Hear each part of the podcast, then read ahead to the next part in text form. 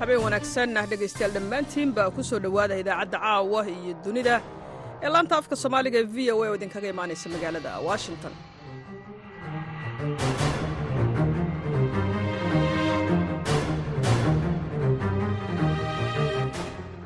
waa habeen khamiis ah bisha febraayo ee sanadka kana waa waxaad naga dhegaysanaysaan mawjadaha gaagaaban ee lix iyo tobanka iyo bogga v o a somali com. Idaacadda caawa iyo dunida. Waxaa idiin daadihinaya aniga oo ah caasho ibraahim aadan. Waxaan rabaa inaan halkan magaca ummadda soomaaliyeed ugu mahadceliyo dowladda maraykanka kaalmadaas joogtada ah ee soomaaliya guud ahaan ay la garab taagan yihiin iyo si gaar ah midda hadda ay u muujiyeen ciidanka xoogga dalka soomaaliyeed inay la garab taagan yihiin shan xero oo waaweyn oo casri ah in ciidanka xoogga dalka soomaaliyeed loo dhiso. Shantaas xero. Codkaasi waa madaxweynaha dowladda federaalka ee soomaaliya xasan sheekh maxamuud oo ka hadlaya maraykanka iyo soomaaliya oo kala saxiixday heshiis lagu dhisayo ciidamada soomaaliya. Waxaa kaloo aan idiin haynaa barnaamijkii bandhiga v o eda oo aan toddobaadkan ku eegayno loolanka awoodeed ee dunida iyo saamaynta faragelin ka dhalata ay ku yeelan karto doorashooyinka caalamka ka dhacaya sannadkan waddamada geli doona doorashooyinka waxay iskugu jiraan wadamo doorashada ay iska tahay magacuyaal iyo wadamo doorashada ay dhab ka tahay dimuqraadiyada ay dhab ka tahay. Marka doorashooyinkaas intaasoo wadan oo doorashooyin geli doona sanadkan hal doorasho ayaa ugu xiiso badan. Taasna waa midda ka dhici doonta bishan novembar wadankan maraykanka. Taas ayay caalamka dhan indhaha ku hayaan.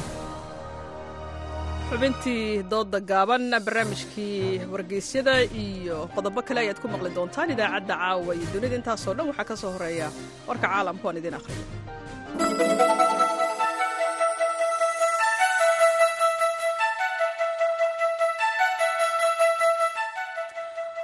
ururka caafimaadka adduunka ayaa ka digay in weerar militari oo israa'iil ay ku qaado magaalada rafax ee koonfurta marinka khaza ay sababi doonto.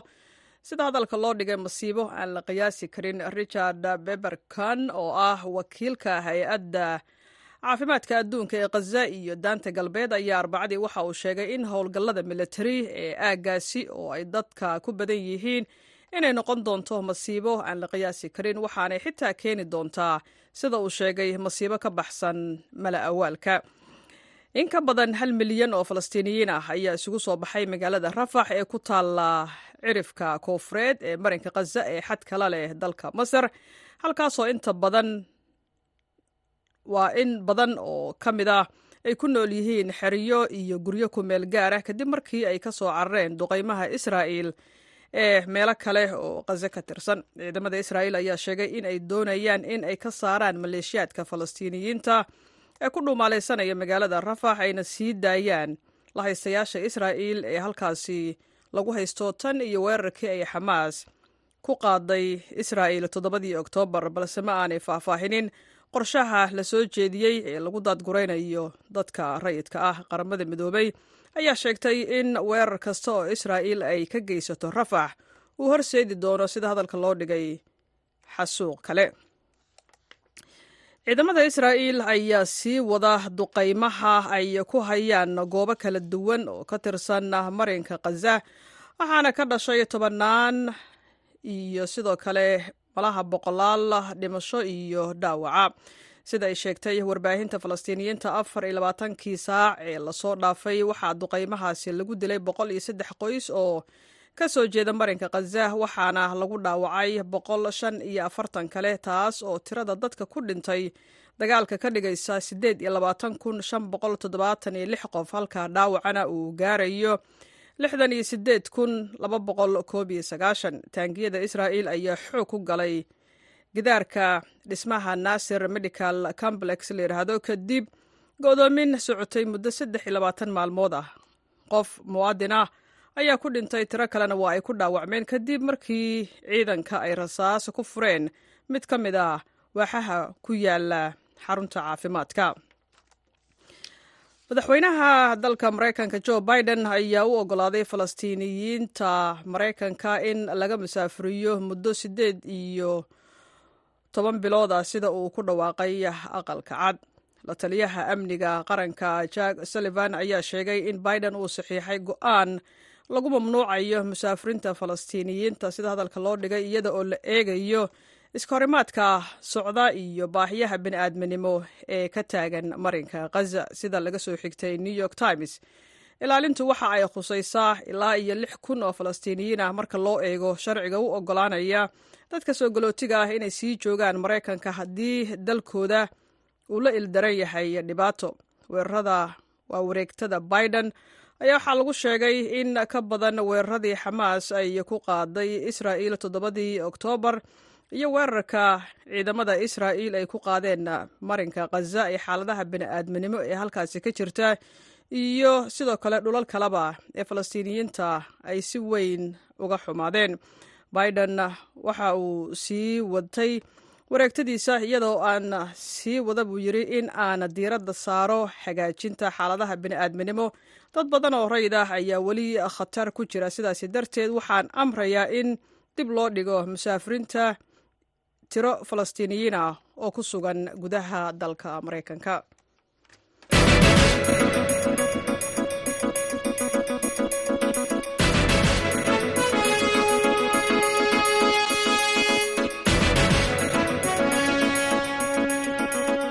kale ayaan cawaysi wanaagsan hawadeedinka leenahay meel kastood naga maqlaysaan. Dowladaha maraykanka dowladda maraykanka ayaa soomaaliya waxa ay ka taageeraysaa dhismaha ciidanka danab ee kumaandoska ah ee ka tirsan xoogga dalka ee maraykanka uu tababarada iyo taageeradaba siiyo.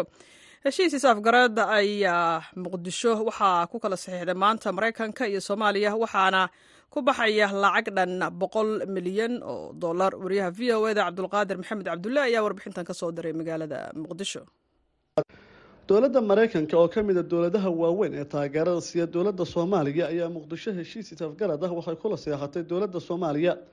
Munaasabad kooban oo ka dhacda xalane waxaa goobjoog ka ahaa madaxweynaha soomaaliya xasan sheekh maxamuud iyo kaaliyaha xogeyaha arrimaha dibadda afrika u qaabilsan molivi labada daraf ayaa qalinka ku wada duugay is-afgarad heshiis ah oo u dhexeeya maraykanka iyo soomaaliya.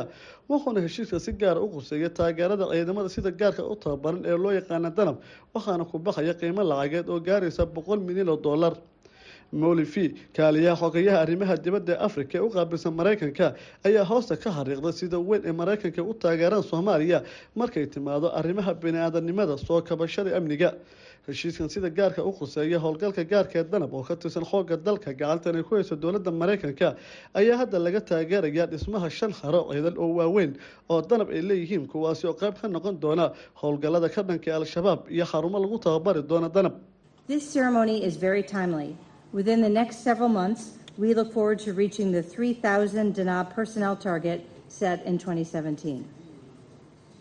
The Danab is also being prepared to take over many of the essential functions required to sustain and grow the force, and it is already taking on greater responsibility for recruiting and training.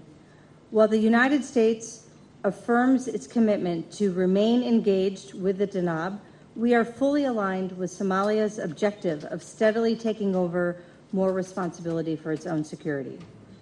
This memorandum of understanding for the construction of the bases reflects our confidence in the future of the Danab and the scale of our investment in Somalia's security. This is a bet on the Danab's future. We recognize that reliance on temporary and often inadequate camps hamper the Danab's preparedness and could represent an obstacle to the brigade's sustainability and growth. At the same time, the MOU lays out the respective roles and responsibilities of the United States and Somalia in building, maintaining, and sustaining the bases. Our shared goal is to have the SNA exercise full control over base operations when the facilities are completed, and the MOU provides the blueprint to do just that. To the brave Danab soldiers here today with us, as well as to your comrades in the field, I want to say thank you. You are what we call the tip of the spear, the men and women at the forefront of your government's fight to liberate your country and degrade Al Shabaab and establish full sovereignty. You have selfishly, selflessly assumed great personal risk, and I want to make clear here today that we in the United States, and I know the Somali people too, are extremely grateful for your sacrifice. Your country looks up to you, and you should be proud.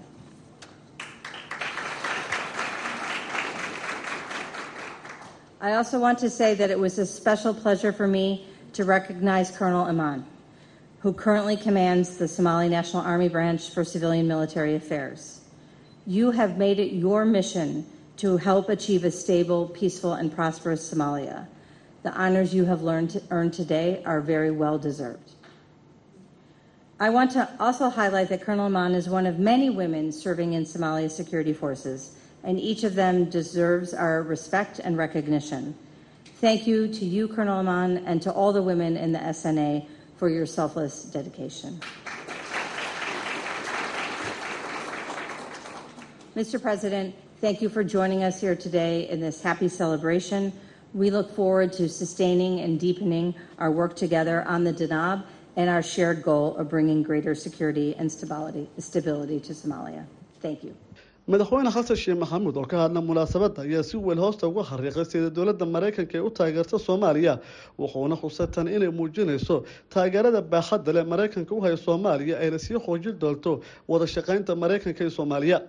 Madaxweyne xasan sheekh maxamuud ayaa xusa mudnaanta gaarka ay leeyihiin ciidamada sida gaarka u tababaran ee kumaandoos ee dalab oo gacanta ku hayso dowladda maraykanka isagoo xuseen door way ka qaadan doonaan markay timaado amniga xilligan iyo dagaalka lagula jiro al-shabaab waxa waaye arrin aada iyo aada muhiim u ah horumarka soomaaliya ay ku tallaabsanaysana qeyb weyn ka ah. Waxaan rabaa inaan halkan magaca ummadda soomaaliyeed ugu mahadceliyo dowladda maraykanka kaalmadaas joogtada ah ee soomaaliya guud ahaan ay la garab taagan yihiin iyo si gaar ah midda hadda ay u muujiyeen ciidanka xoogga dalka soomaaliyeed inay la garab taagan yihiin. Shan xero oo waaweyn oo casri ah in ciidanka xoogga dalka soomaaliyeed loo dhiso shantaas xero oo runtii wax badan ku soo kordhin doonta muxuuaha jiritaanka iyo xoogeysiga iyo tabarta ee ciidamada xoogga dalka soomaaliyeed. Qarash aada iyo aada u badanna uu ku baxayo. Waa ka mahad celinaynaa waana astaan ka mid a astaamaha cilaaqaadka soomaaliya iyo dowladda maraykanka ee maalinba maalinta ka dambe sii kordhayo arrinkaas waa arrin ummadda soomaaliyeed oo dhan ay ka mahad celinayso oo ay ugana mahad celinayso dowladda maraykanka dowladda maraykanka ayaa soomaaliya ku bixisa taageero xoogan sanad walba waxaana soomaaliya maraykan ka taageeraan arrimaha amniga soo kabashada dhaqaalaha bini aadanimada iyo waxbarashada. Cabdulqaadir okey v o a muqdisho. Mahadsaned cabdulqaadir madaxweynaha soomaaliya xasan sheekh maxamuud oo maanta warbaahinta kula hadlay magaalada kismaayo ee xarunta dowlad goboleedka jubbaland ayaa sheegay inuu adis ababa u tegayo saddex shir oo kala duwan. Madaxweynaha ayaa sheegay in shirarkaasi oo midowda afrika urur goboleedka igaad iyo e e c ay leeyihiin oo mid waliba geyn doono. Mowqifka soomaaliya ee heshiiskii bilowgii bishii hore ee etoobiya la gashay somalilan warkan iyo shirkaasi jaraa-id oo uu ku weheliyey madaxweynaha jubbaland axmed madoobe. Waxaa warbixintan ka soo diray wariyaha v o e da magaalada kismaayo aadan maxamed. Salaad. Shirkan jaraa-id ee ay maanta si wada jira u qabteen madaxweynaha jubbaland axmed maxamed islaam iyo madaxweynaha dowladda federaalk ee soomaaliya xasan sheekh maxamuud ayaa waxa ay ku faahfaahiyeen waxyaabihii ugu muhiimsanaa ee ay kaga wada hadleen. Shirarkii saacadihii la soo dhaafay ay ku lahayeen xarunta madaxtooyada ee magaalada kismaayo madaxweynaha jubbaland axmed maxamed islaam ayaa ku ammaanay madaxweyne xasan sheekh maxamuud guulihii ay ka gaartay dowladdiisa. Muddadii uu dalka maamulayay isagoona intaa ku daray in ay ku ammaanayaan madaxweyne xasan sheekh maxamuud ka maamul ahaan dhammaanba horumaradii kala duwanaa ee uu dalka gaarsiiyey sida uu hadalka u dhigay. Madaxweynaha jubbaland axmed maxamed islaam. Waxaan aada ugu faraxsannahay booqashadaas oo xambaarsanayd ajandayaal aada muhiim u ah oo ay ugu horeyso dhammaystirka la dagaalanka al-shabaab iyo tallaabooyinkii dowladnimada madaxweyne xasan sheekh muddadii hadda dambe xilka haya uu ka shaqaynayay ha noqoto.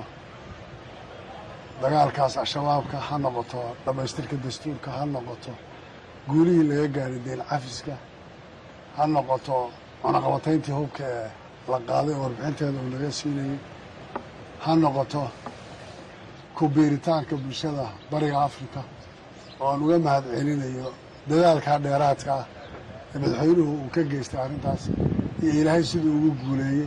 Madaxweyne axmed maxamed islaam ayaa sidoo kale soo hadal qaaday in madaxweyne xasan sheekh maxamuud ay ka wada hadleen howlgallada ka dhanka ah al-shabaab islamar ahaantana ay ka maamul ahaan diyaar u yihiin in ay ka qayb qaataan howlgallada ka dhanka ah al-shabaab sida uu sheegay. Iyo hadda sidii aan wejiga labaad ee la dagaalanka argagixisada al-shabaab aan uga qaadan lahayn iyadoo deegaankan aan joogno uu yahay madaxa masku meesha uu yaallo. Iyadoon ognahay weliba dhibitaanka ciidamada atamis iyo isu soo bannaanaanshaha soomaalida iyo shabaabka oo aan odhan karo madaxweynuhu wuxuu ka geystay culays iyo dadaal aada u badan. In arrintaas ayna noqonin mid la taba ay noqoto mid tallaabooyin hore lagu soo qaado. Mudan madaxweyne dadka reer jubbalandna waxay sugayaan maska madaxiisa in la dilo oo hawshaas sidii aada u ballan qaadeen.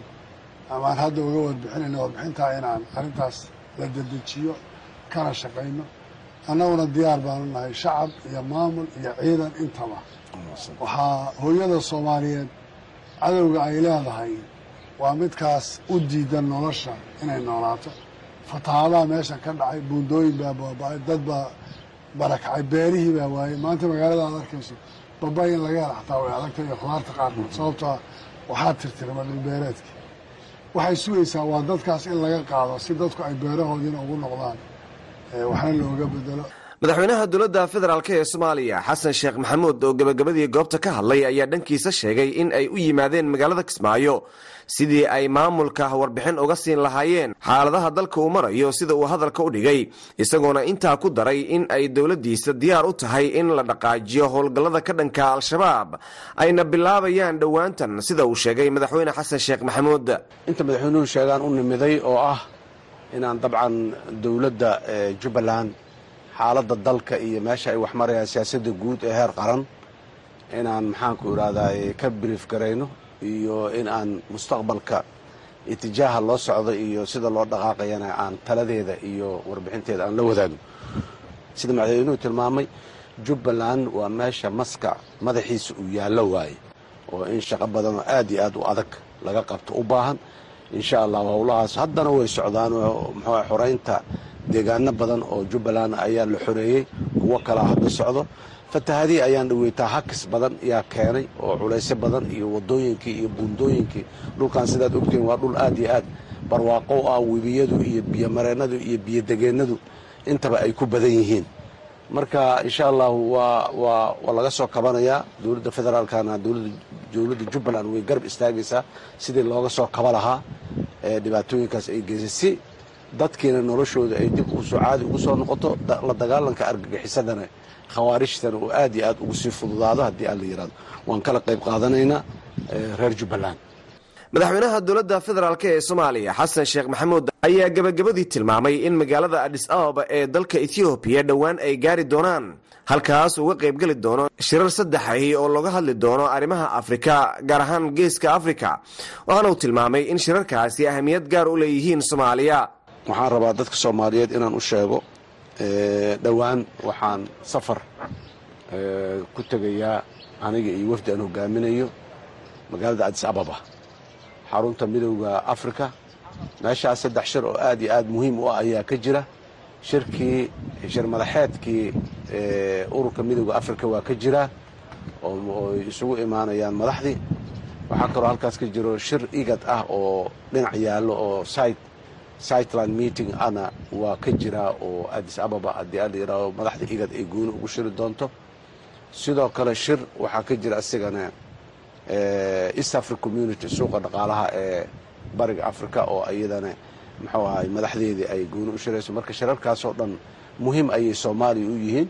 Waxaan u tegaynaana waa shirarkaas inaan ka qayb galno iyo dabcan fariinteenna iyo masajkeenna aan wadno inaan gudbinno oo ah dalka soomaaliya dal goba oo xor ah oo maxaanku idhahda dowlad leh waaye lamana fargelgeli karo lamana waxayn karo. Arinta oo waayahan dambe ay etoobiya ku dhaqaaqaysayna waa weli mowqifkeeda meeshuu naga taagan yahay. Waana mowqif oo ay adag tahay si aan uga tanasulnaana aanay u muuqanin dalkeennu in layska soo tadakhulo oo meela laga soo galgalo oo qaar laga goosto. Waxaas waa riyo aanan soconaynin horena waa u sheegnay haddana mowqifkeennu mar walba waa meeshaas. Fariintaas ayaan caalamka meel kastoo joogan aan la wadaagayna horena ula wadaagna afar labaatankii saac ee la soo dhaafay ayaa magaalada kismaayo oo ku sugnaa madaxweyne xasan sheekh maxamuud. Waxa uu kulamo gaargaar ahi oo albaabada u xirnaayeen la qaatay. Madaxweynaha jubbaland axmed maxamed islaam iyo ku-xigeenadiisa iyagoona inta badan ka wada hadlayey sidii loo sii ambaqaadi lahaa howlgallada ka dhanka al-shabaab iyo arrimo kale.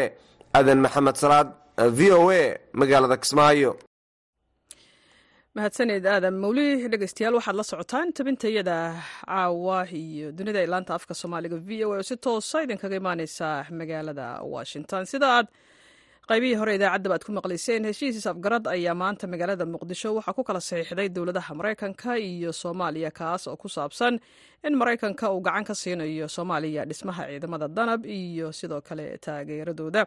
Warbixin faahfaahsan mar kale waxaa inoo haya wariyaha v o eda cabdulqaadir maxamed. Cabdulle dowladda maraykanka oo ka mid a dowladaha waaweyn ee taageerada siiya dowladda soomaaliya ayaa muqdisho heshiis isafgarad ah waxay kula seexatay dowladda soomaaliya. Munaasabad kooban oo ka dhacda xalane waxaa goobjoog ka ahaa madaxweynaha soomaaliya xasan sheekh maxamuud iyo kaaliyaha xogeyaha arrimaha dibadda afrika u qaabilsan molivi labada daraf ayaa qalinka ku wada duugay is-afgarad heshiis ah oo u dhexeeya maraykanka iyo soomaaliya wuxuuna heshiiska si gaara u quseeya taageerada ciidamada sida gaarka u tababaran ee loo yaqaana danab waxaana ku baxaya qiimo lacageed oo gaaraysa boqol milyan oo dollar molivi kaaliyaha xogeyaha arrimaha dibadda ee afrika ee u qaabilsan maraykanka ayaa hoosta ka xariiqday sida weyn ee maraykanka u taageeraan soomaaliya markay timaado arrimaha bini-aadanimada soo kabashada amniga. Heshiiskan sida gaarka u khuseeya howlgalka gaarka ee danab oo ka tirsan xoogga dalka gacantan ay ku hayso dowladda maraykanka ayaa hadda laga taageerayaa dhismaha shan xaro ciidan oo waaweyn oo danab ay leeyihiin kuwaasi oo qayb ka noqon doona howlgallada ka dhanka ee al-shabaab iyo xarumo lagu tababari doona danab Within the next several months, we look forward to reaching the 3,000 Danab personnel target set in 2017. xafladani waa mid wakhtigeeda ku soo beegantay. Dhowrka bilood ee soo socota waxaanu rajaynaynaa inaannu gaarno yoolka tirada ciidamada danab ee saddexda kun ee aan dhiganay labada kun iyo toddobiyo tobankii. Danab waxaa kaloo loo diyaarinayaa inay la wareegaan mas'uuliyad badan oo dhinaca tababarada ah si ciidamadan loo tayeeyo. Goor horeba arrintani waa ay ku guda jireen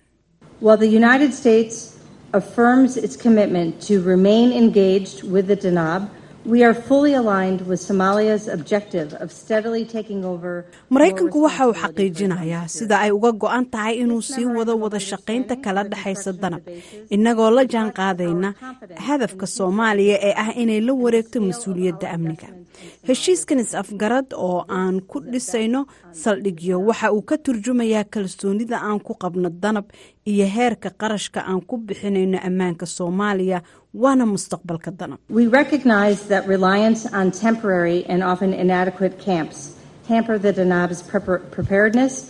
represent garowsannahay ku tiirsanaanta xeriyo ku meel gaar ah oo aan ku filnayn in ay xagla daacinayso diyaargarowga danab caqabadna ay ku tahay horumarka iyo sii tayeynta guutada. Waxaana ku xusnay is-afgaradkan mas'uuliyadda iyo doorka maraykanka ka saaran qalabaynta dayactirka saldhigyada. Waxaana ku xusnay is-afgaradkan mas'uuliyadda iyo doorka maraykanka ka saaran qalabaynta iyo dayactirka saldhigyada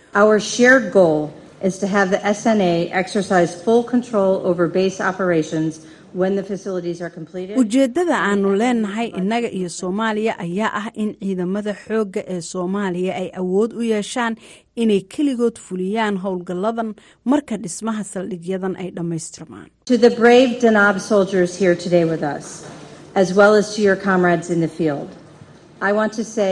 ciidamada danab You ee geesiyaasha ah ee maanta halkan nala jooga iyo saaxiibadooda furimaha dagaalka ku sugan waxaan rabnaa inaan idhaahdo waa aad mahadsantihiin waxaad tihiin waxaanu ugu yeerno caaradda hore ee waranka. Wiilasha iyo gabdhaha ugu horreeya dagaalka dowladdiinna ay ugu jirto xoreynta dhulkiinna. Dabargoynta al-shabaab iyo yegleelidda madax bannaani qaran oo buuxda madaxweyne xasan sheekh maxamuud oo ka hadla munaasabadda ayaa si weyn hoosta uga xariiqay sida dowladda maraykanka ee u taageerta soomaaliya wuxuuna xusay tan inay muujinayso taageerada baaxadda leh maraykanka u haya soomaaliya ayna sii xoojin doonto wada shaqaynta maraykanka iyo soomaaliya.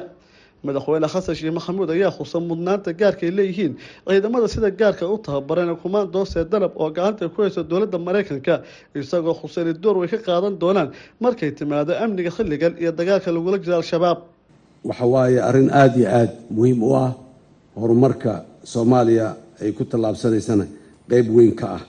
Waxaan rabaa inaan halkan magaca ummadda soomaaliyeed ugu mahad celiyo dowladda maraykanka kaalmadaas joogtada ah ee soomaaliya guud ahaan ay la garab taagan yihiin iyo si gaar ah midda hadda ay u muujiyeen ciidanka xoogga dalka soomaaliyeed inay la garab taagan yihiin.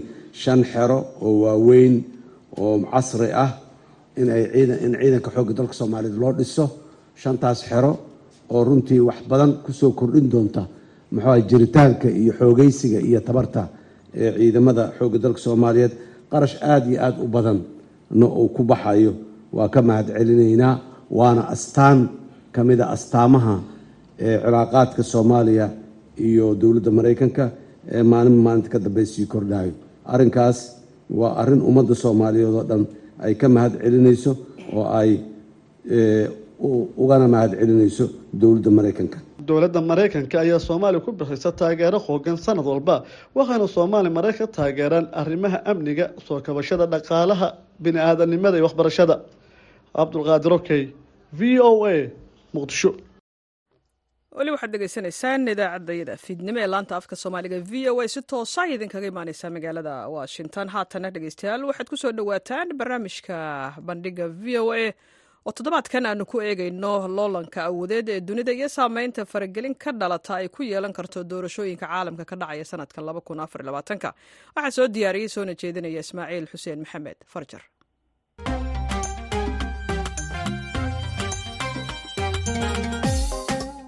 sannadkan labada kun iyo afar iyo labaatanka ayaa loo badinayaa in uu noqdo sannadka ay dhiibanayaan dadkii ugu badnaa codkooda waxaana la saadaalinayaa in codbixiyaasha ka qaybgelaya doorashooyinka ka dhacaya caalamku in ay kor u dhaafaan ilaa afar bilyan oo qof ama in ka badan kala badh dadka ku nool caalamka in ka badan konton dal ayaa shucuubtoodu ay codaynta u dareerayaan. Doorashooyinkan ayaa ku soo beegmaya xilli uu jiro loolan ballaadhan oo u dhexeeya waddamada galbeedka iyo ruushka. Sidoo kalena waxaa dalalka caalamku ku kala qaybsan yihiin dagaalka ka socda marinka khaza halka uu jiro dagaal dadban oo u dhexeeya maraykanka iyo iiraan kuwaas oo ku loolamaya saameyntooda gobolka bariga dhexe haddaba ma laga yaabaa in dalalka uu loolanku ka dhexeeyo ay faragelin dhinaca doorashooyinka ah isku sameeyaan.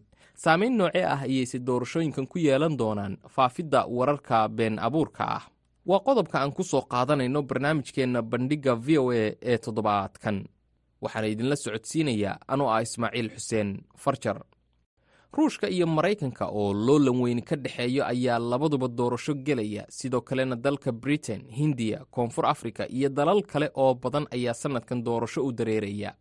Khubarada dhinaca doorashooyinkuna waxay leeyihiin sannadkani waa sannadkii ay dunida ka dhacayeen. Doorashooyinkii ugu badnaa ee ay ka qayb galaan in ka badan kala badh dadweynaha caalamka ku nooli.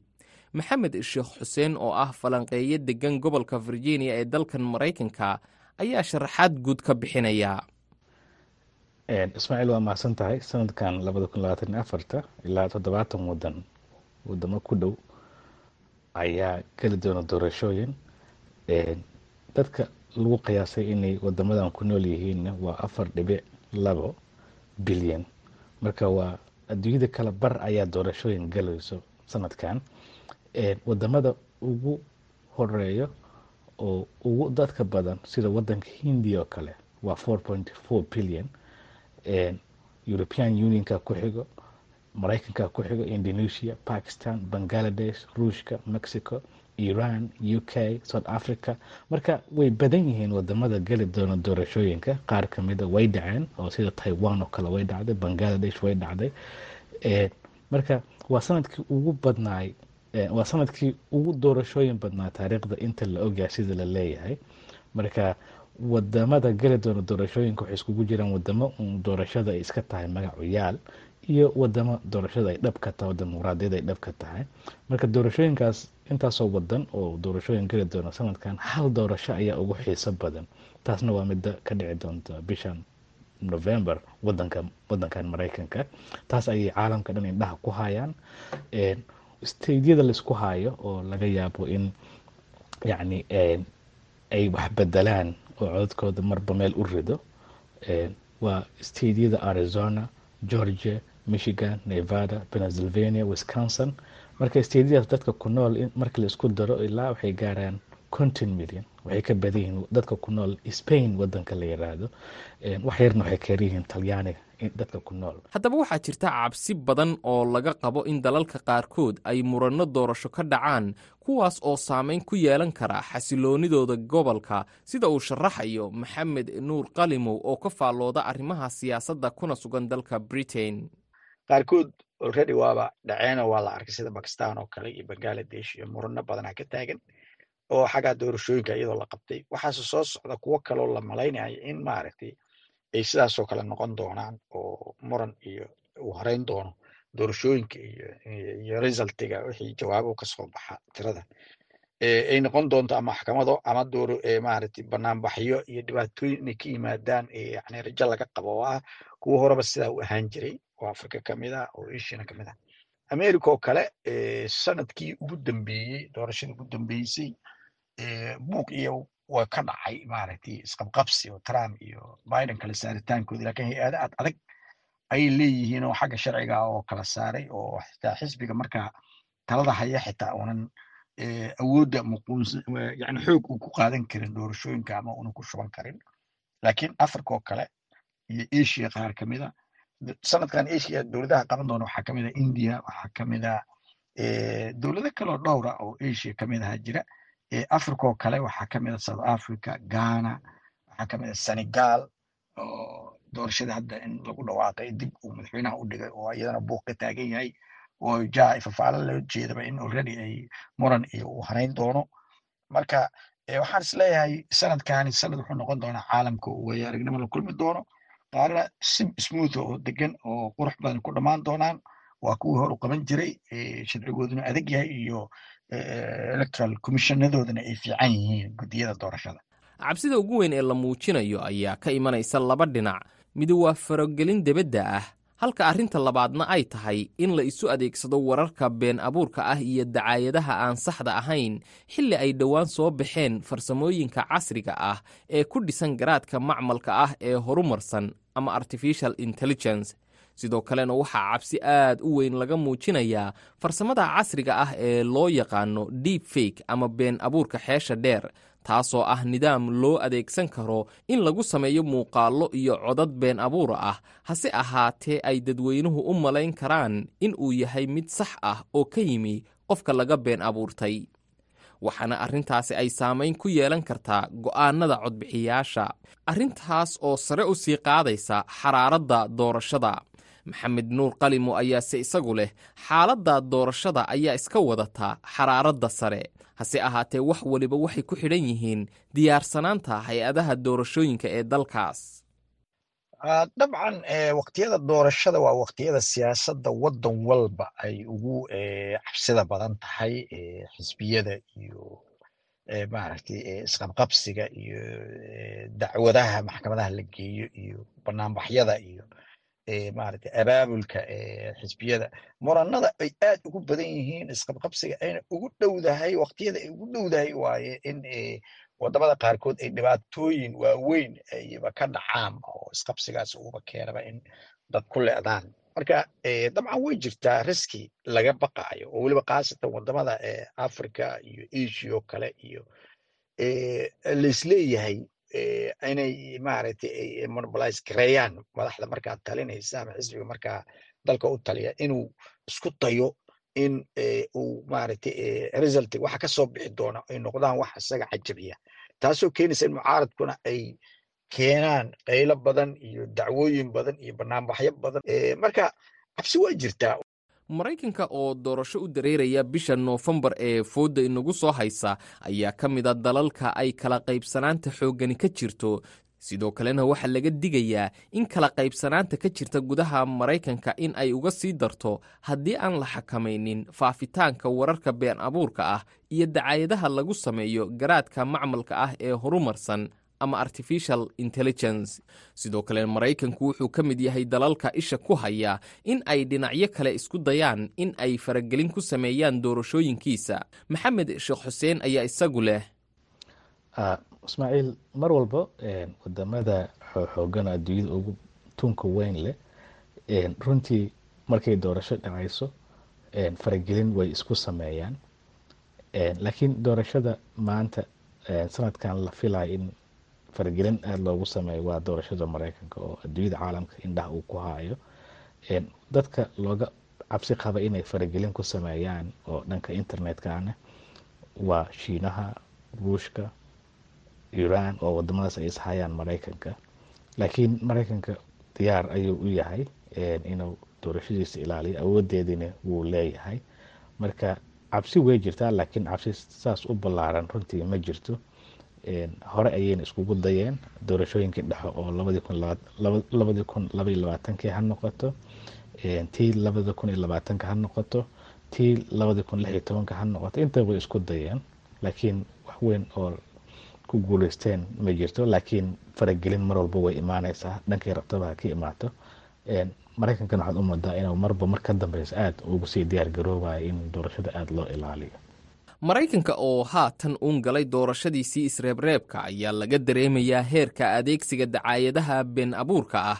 Kadib markii la baahiyey fariimo loo ekeysiiyey inay ka imanayaan madaxweynaha dalka maraykanka jo biden isaga oo u sheegaya taageerayaasha xisbiga dimuqraadigu inay guryahooda iska joogaan oo aanay codaynin sida uu sheegayo linson gorman oo ah khabiir ku takhasustay farsamada casriga ah kana tirsan isbahaysiga ilaalinta dimuqraadiyadda ee german marshall fund um, AI generated media from robocalls to deep fake audio to campaign ads are being featured. waxyaabaha lagu sameeyo garaadka macmalka ah ama artificial intelligence laga bilaabo robot collska ilaa muuqaalada been abuurka ah ee xeesha dheer ilaa xayeysiisyada loo isticmaalo ololaha doorashada ayaa beryahan la soo bandhigayey intii ay socdeen ololayaasha doorashadu. Marka waxaan u malaynayaa in ay tani noqonayso wax iska caadiya oo ku soo kordhaya nidaamkeenna doorashada ayay tidhi. Codbixiyaasha maraykanka ayaa v o a u sheegay in aanay kala saari karin muuqaalada saxda ah iyo kuwa been abuurka ah maadaama ay aad isugu eg yihiin maxamed sheekh xuseen oo ah khabiir ka faallooda arrimaha siyaasadda ayaa qabaa in ay caadi iska noqotay xilligan in laysu adeegsado wararka been abuurka ah si ay dalalku saamayn isugu yeeshaan. Ismaaciil adduunyada mar walba dagaalka qababo xagga dagaalka afka ah mar walba wuu socdaa. Waxaan adduunyada la yiraahdo disinformationka oo wararkan been abuurka ah oo la abuurayo mar walba ay socdaan. Ama adduunyada xooggale ha noqoto ama kuwa masaakiinta ha noqoto runtii mar walba dagaalkaas wuu iska jiraa. Horeyna wuu u socday haddana wuu sii socon doonaa.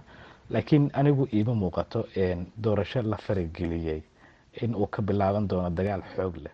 Dagaal xoog leh dagaal hadduu dhaco siyaabo kaloo badan ayuu ku bilaaban karaa laakiin faragelin doorasho mar walba wadamadan kuwa ugu tunka weyn ha noqdaan ama kuwa masaakiinta ha noqdaano faragelinta way isku haayaan ama sir la xada ha noqoto ama fakir la kala xada ha noqoto ama informationo oo siyaabo kale loo kala qaato ha noqoto. Mar walba dagaalka qabow buu iska socdaa doorashooyinka qoloba qolada kale way faragelisaa inta badan inkastoo aada loogu eeday wadamadan shiinuhu ruushka iyo iiraan inay aada maraykanku arrimihiisa ay u farageliyaan inta badan laakiin maraykankuna asigu aad ayuu isu ilaaliyaa oo ama ha noqoto ganacsigiisa ha noqoto ama sirta dowladda ha noqoto intaba aada ayaa loo ilaaliyaa runtii laakiin dagaalo dhaco labada kun labaatan iyo afarta cabsi way jirtaa oo dhanka taiwan shiinuhu iyo maraykanku laga yaabo in guuxa uu soo bato. Ruushka awalba ukraine wuu la dagaalay. Dagaalkaas wuu socdaa laakiin sida lagu qaboojin lahay dadaaladii way socdaan idina fahanteeda. Dagaalkan bariga dhexe oo u dhexeeya israa'iil iyo xamaas asiguna fahantiisa dadaal xoogle ayaa socda in la qaboojiyo oo meesha lagu damiyo. Iiraan dan uguma jirto inay maraykan kula dagaalanto bariga dhexe. Maraykankuna fahantiisa dan uguma jirto bariga dhexe inuu iiraan kula dagaalamo.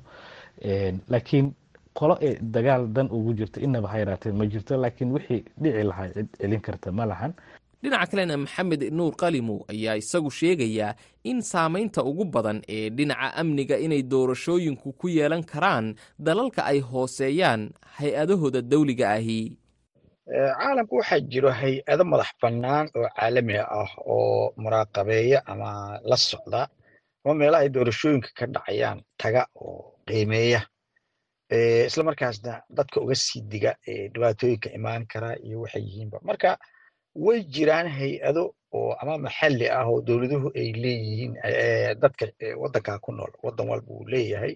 Hay'ado madax bannaan oo doorashooyinka la socda ama wax ka qaban qaabiya.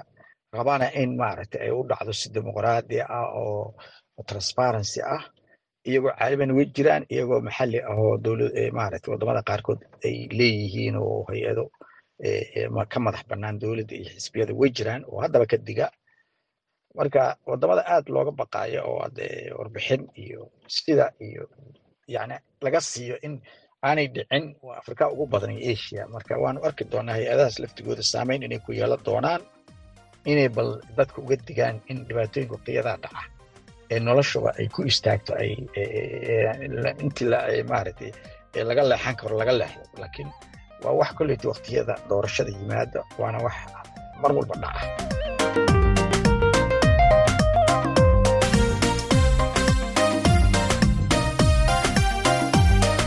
dhegaystayaal.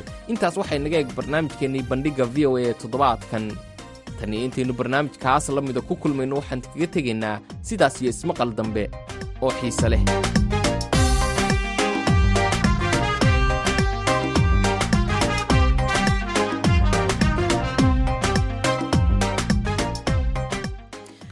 Ismaaciil xuseen maxamed farjar ayaa nala socodsiinaya barnaamijka bandhigga v o a. Halkaad kala socoteenna laanta afka soomaaliga v o a si toosa idinkaga imaaneysa magaalada washington.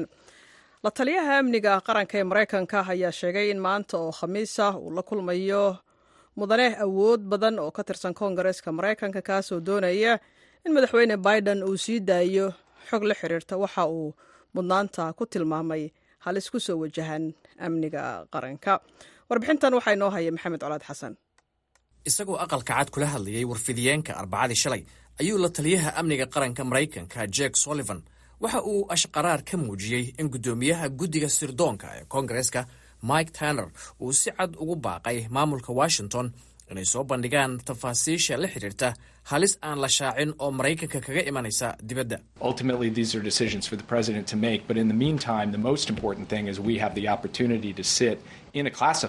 Waxa uu yidhi waa go'aamo kama dambaysta uu madaxweynaha leeyahay inuu gaaro. Dhinaca kalena waxaan haysannaa fursad aan kula fadhiisanno oo aan arrimahan kala hadalno hoggaanka guddiga sirdoonka ee koongareeska.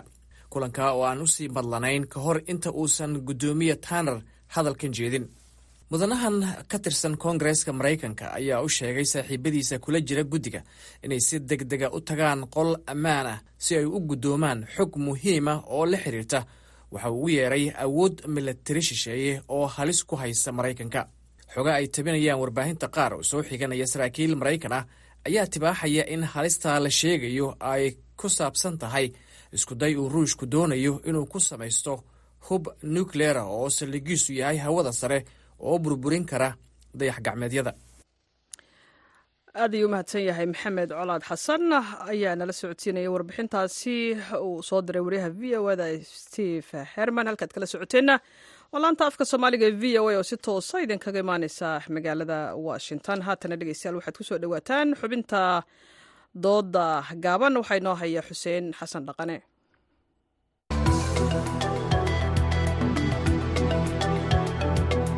qaybo ka mid ah webiga shabeelle ee mara magaalada beledweyne ayaa lagu daadiyaa qashinka magaalada taasoo keeni karta in dadka biyihiisa cabaya ay cudurro ka qaadaan ama xitaa uu xanimo marinka webiga islamarkaana ay ka dhalato fatahaad. Haddaba yay saaran tahay mas'uuliyadda ilaalinta webiga.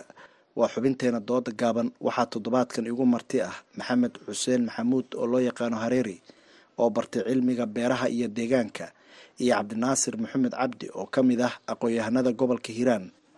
Hadalka waxaa ku horeynaya maxamed xuseen hareeri arrintan ku saabsan maxaa yidhahdaa webiga loo adeegsanaya in qashinka lagu shubo waxaa aaminsanahay in haddii bulshada ay baraarugto oo culamaa udiinka aqoon-yahanada iyo dhammaan la iskaashado waxaa aaminsanahay in arrintaas wax laga qaban karo. Waayo waa dhibaato ku soo noqonayso dadka iyo deegaanka iyo dhammaan maxaa yidhahdaa dadka webiga isticmaalo.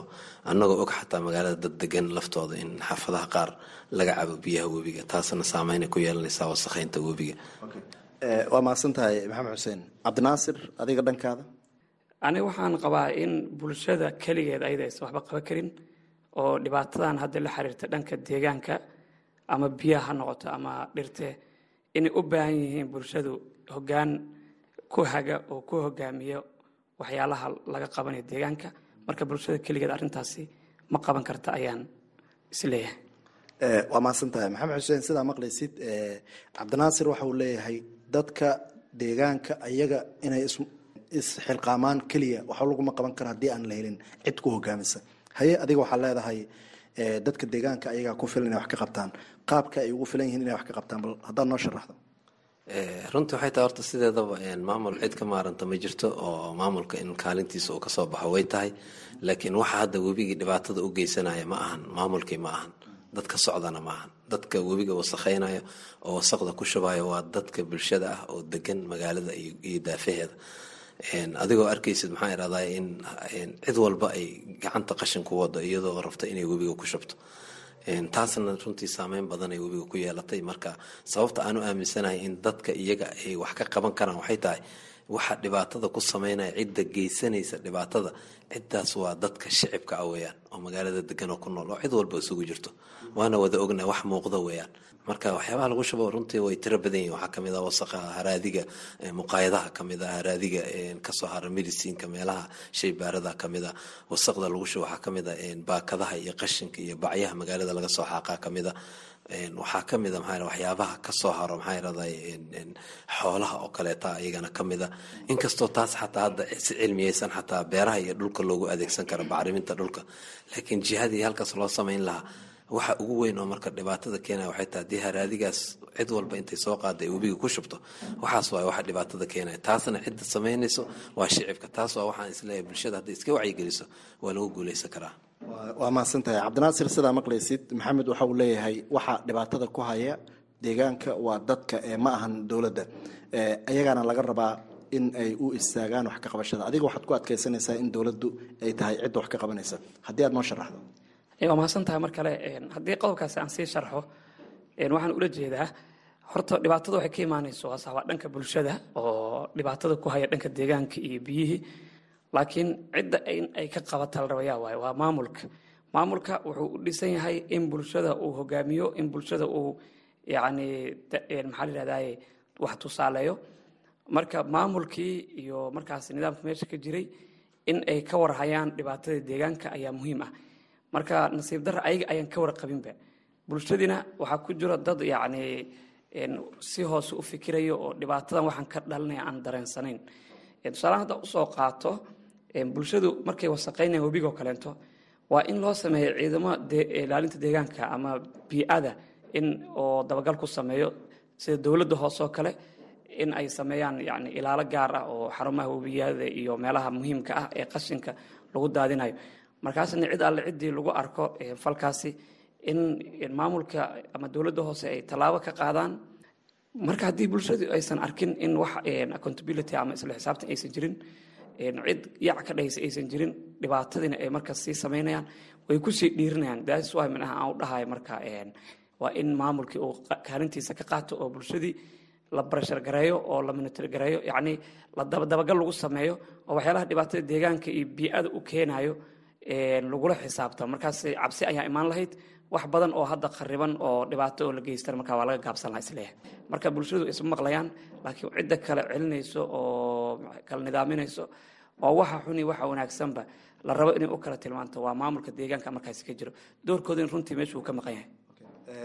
Maxamed dadka haddii ayaga aynan kala amar qaadanaynin oo qofba uu leeyahay maxaa kaaga galay? Waa dhibaata meesha taagan bal haddii aad sharaxaad kale ka bixiso dhibaatada qashinka lagu shubaya ay deegaanka iyo dadka ay u leedahay waxyaabaha aad sheegtay oo sheybaarada ka soo haray maxaa dhibaatahoo dadku u geysan wax la soo koobi kara maaha waayo cuduraa jiro oo waterborne disease oo kaleeta biyaha ka dhashaa jiro. Maxaa iraday marka saameyn biyihii hadday wasaqoobaan oo sometimes biyaha hadda webiga biyo keenay laakiin marka hore biyihiisa aaday u liiteen way yaraayeen marka webigii biyihiisa ay yar yihiin marka qashin xadiga intaa la eg lagu shubo. Hal meel oo keliyana maaha. Magaalada haddii aad ku wareegto webiga s s si uu u maraa ugu samaysan yahay. Meel kasta oo aad istaagta dhanka dhankiisa kaleba buur wax la eg oo qashinaha saaran. Marka qashinkaas marka biyihii marka uu ku dhaco oo neefkii baktiya xataa waxaan arkay aniga in dameero baktiya xataa webiga ay dhex yaalaan marka banaanka laga soo jiiday lagu soo riday. Maxaa ka dhalan kara? Waxaa ka dhalan kara qof walba wuu yaqaanaa biyo wasaqaysan oo tuulooyinkii dadka ay deegaanka ku xeeran yihiin oo magaalada dhexdeedii laga cabo oo dadkii tuulooyinka naga xageeyay biyo ilo kaloo aysa isticmaalaan aysa jiran webigii isticmaalaan. In qofkaas uu jiranayo berri ka maalin oo magaalada dhakhtar u soo aadayo oo xanuuno ku dhacayaan wax cad weeyaan. Marka runtii waxaan aaminsanahay in maxaa irahdaa arrintaas foojignaan badan inta laga sameeyo diyaargarow laga sameeyo in arrintaas maxaa irahdaa wacyigelin badan la sameeyo loona sheego dhibaatada ka dhalanayso maxaa irahdaa wasakhaynta webiga laguna baraarujiyo in maxaa irahdaa laga waantoobo falkaas xun oo maxaa irahdaa mar walbaan marnaa bundaweyn waan degannahay oo xaafadayda mar kastoon soo marayo waan arkaa dad maxaa irahdaa ku shubaya qashinka. Qof aad la hadli kartana ma jiraan. Marka waxay tahay isxilqaan ayaa dadkan looga baahan yahay. Haddaysan isxilqaamin cid inta kor uga timaado webiga wasaqda uga celinaysa ma jirto dadka degan magaalada beledweyne gobolka hiiraan waxaa loo baahan yahay in ay ilaashadaan webigaas sida oo hadda ku socotana wax laga bedelo waa mahadsan tahay cabdinaasir saameynta ka dhalan karta wasaqeynta webiga iyay tahay haddii ay noqoto in laysla xisaabtamo mas'uuliyadda cidda qaadaysa? Runtii mas'uuliyadda waxaa qaadaysa cidda dadkani u dhaaratay ee tiri waa maamulaynaa. Maxaa yeelay adigu markaa qof mas'uula tahay waxaa lagaa rabaa mas'uuliyadda aad qaaday inaad ka soo baxdo waxaa jira xadiis nabiga sal ly slam uu leeyahay qof kasta wixii loo idinmaday ama loo xilsaartay ayuu mas'uul ka yahay. Oo xitaa markaasi marwada ama haweeneyda waxay mas'uul ka tahay carruurta guriga iyo micnaha guriga markaasi loo xilsaaray marka maadaama sidaas mas'uuliyadda loo adkeeyey waxaa la rabaa dadkan yani mas'uulnimada qaatay dadka maanta mas'uuliyiinta noo ah in mas'uuliyaddoodii ay hilmaansan yihiin oo waxyaalo kale oo aan ahayn danta guud oo mid gaar ah runtii ay ku mashquulsan yihiin.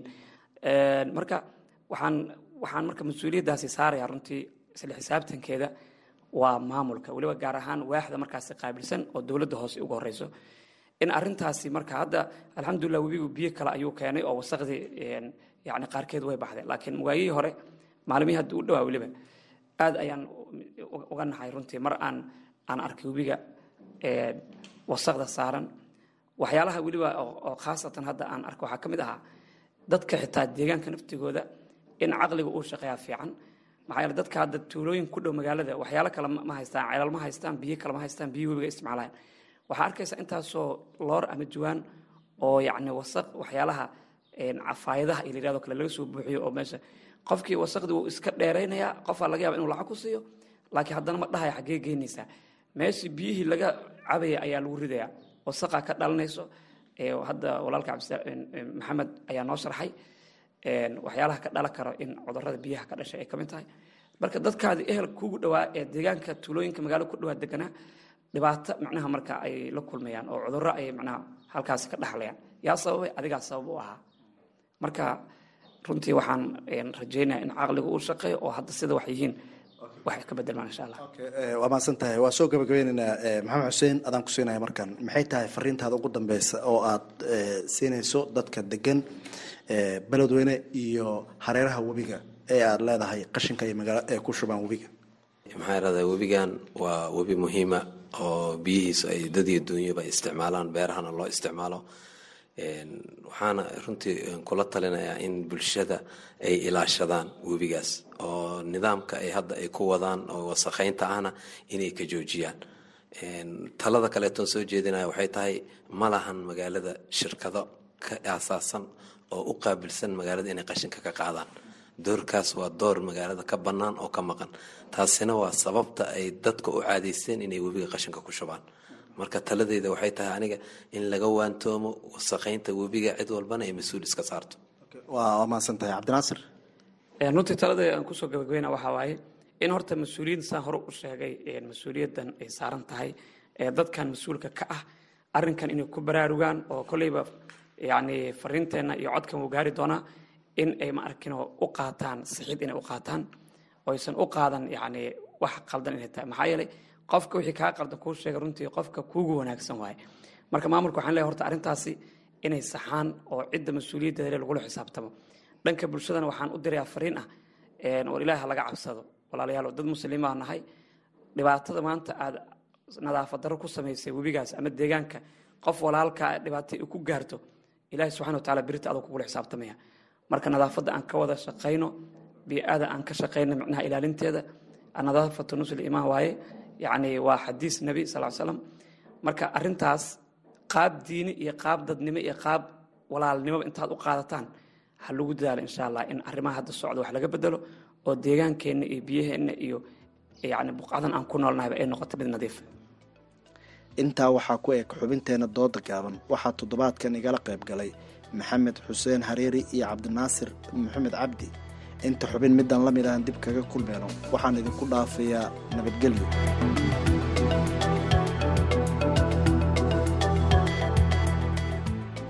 xuseen xasan dhaqane ayaa xubinta dooda gaaban ku soo diyaariyey magaalada beledweyne. Halkaad kala socoteenna waa laanta afka soomaaliga ee v o a haatanna waxaan soo gaarnay xilligii aanu idiin soo gudbin jirnay mid ka mid ah heesaha dabacsan ee aan idiin hayno ku soo dhawaada codkii allahu naxariiste kinsi xaaji aadan